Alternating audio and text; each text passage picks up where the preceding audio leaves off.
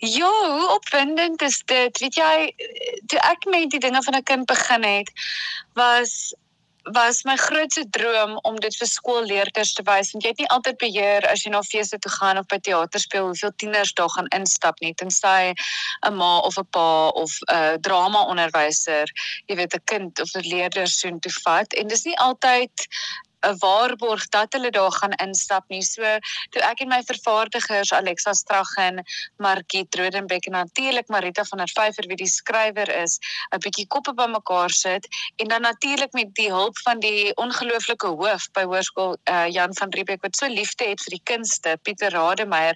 Toe ons koppe bymekaar sit, toe, toe dink ons kom ons bring teater na die tieners toe.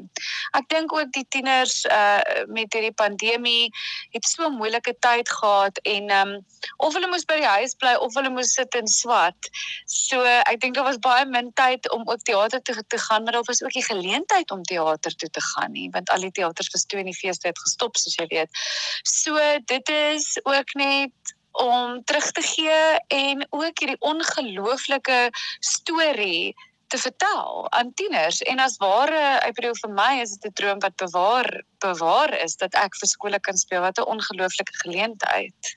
Dis nogal snaaks, verstaan ek reg, want die boek is destyds oorweeg as 'n voorgeskrewe boek, maar hy's afgekeur ja. want hy's gesien as bietjie gewaagd. Ja, weet jy wat, destyds in die jare 90 was daar wel privaat skole uh, waar die boek voorgeskryf was, Engelse skole. Hmm. Ehm um, as ek nou mag waag om te sê wat 'n bietjie meer oopkop was en daar was een of twee tonele waarby onderwysers van sommige skole sou vashak. Ons praat nou van 30 jaar gelede, maar daar was wel skole wat toe al dapper genoeg was om dit voor te skryf en hulle het uitstekende reaksie gekry.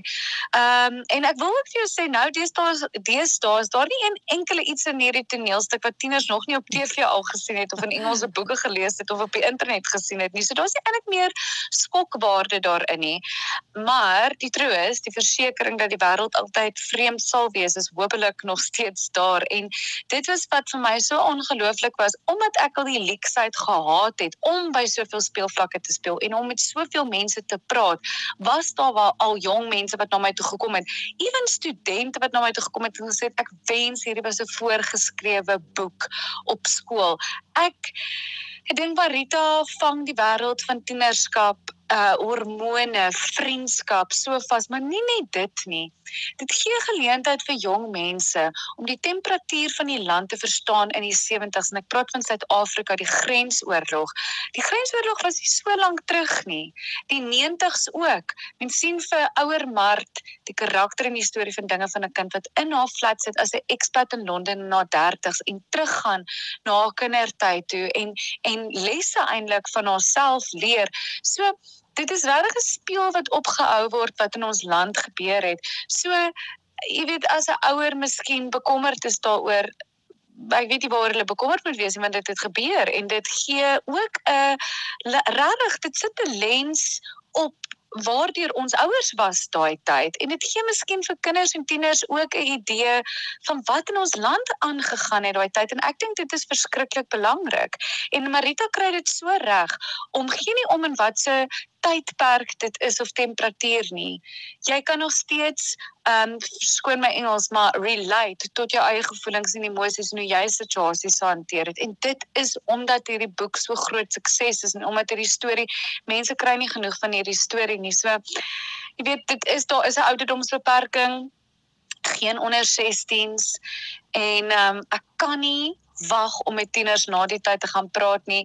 My groot hoop is ook om na die tyd miskien 'n gefasiliteerde gesprek te hê met die tieners want dit is waar die magie gebeur. Mm. Om te hoor wat in hulle koppe aangaan en ehm um, stories te ruil en stories te hoor. So ek uh, ek dink dit is baie belangrik om teater terug te bring na tieners toe. Ehm um, nie net uh, maak teater mense se koppe oop nie, dit maak hulle harte oop, maar dit is die dis waar die magie gebeur as jy in daai donker auditorium sit met jouself vir 'n uur en 'n half en niemand weet wat in jou kop aangaan nie. Jy gaan jouself verras deur goeters wat jy dink en um, I think it's a cool so cool skill and tool wat mens kan gee vir 'n tiener. Dis 'n geskenk. Sintyn, ek gaan seker my ouderdom weggee, maar ek het groot geword in die era waar Truk nog skoolbesoeke kom doen het, waar ons die voorreg gehad het om voorgeskrewe werk te kon sien. So ek weet wat 'n ongelooflike invloed en impak dit in my lewe gehad het. En ek dink soms onderskat ons die rol wat iets soos so 'n toneelstuk kan speel. Ja, ek wil amper vir jou sê jy is so lucky. Ek wens ek was jy. Ehm um, dat mens dit kan ervaar. Jy weet dit dit maak my so opgewonde en ek hoop regtig meeste van die tieners wat uh, gaan kom kyk uh wat in die skool is het nog nooit by 'n teater ingestap of het nog nooit 'n teaterstuk ge gesien nie. Ehm um, nog as 'n groot deel van my loopbaan het ek ATKV tiener toneel beoordeel. So ek het eerstehands ervaar wat toneel vir tieners beteken. Um ewen die kinders wat nog nooit uh, 'n teaterstuk gedoen het of tegnies gedoen het nie. Dit is natuurlik ook die ouers wat wat dit aanmoedig die drama onderwysers maar wat ek net kon sien wat daai ervaring bied. Ja hulle was op die planke maar dit beteken nie die ervaring gaan anders wees af van die planke in die auditorium nie.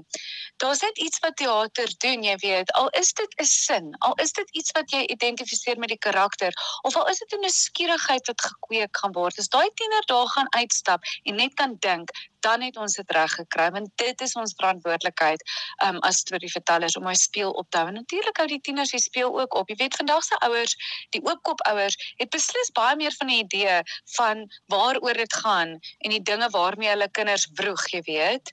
Ehm um, So ek dink die ouers moet ook nie hulle self onderskat nie.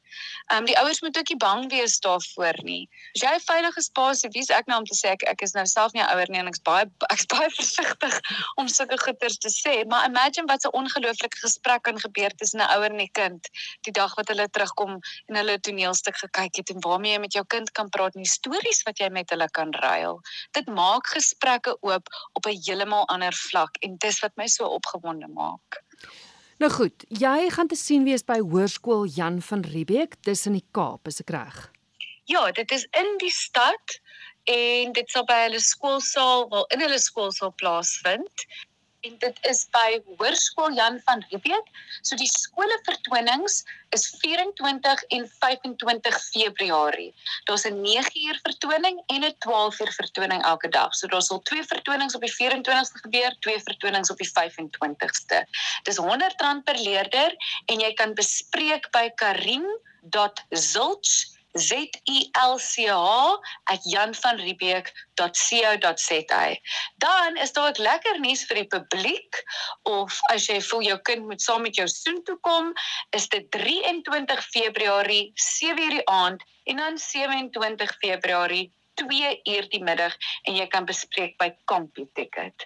Maar as jy enige vrae het, jy kan my op sosiale media volg op Instagram se tuinskitte of Facebook se tuinskitte. En ehm um, ja, ek kan nie wag om julle daar te sien nie.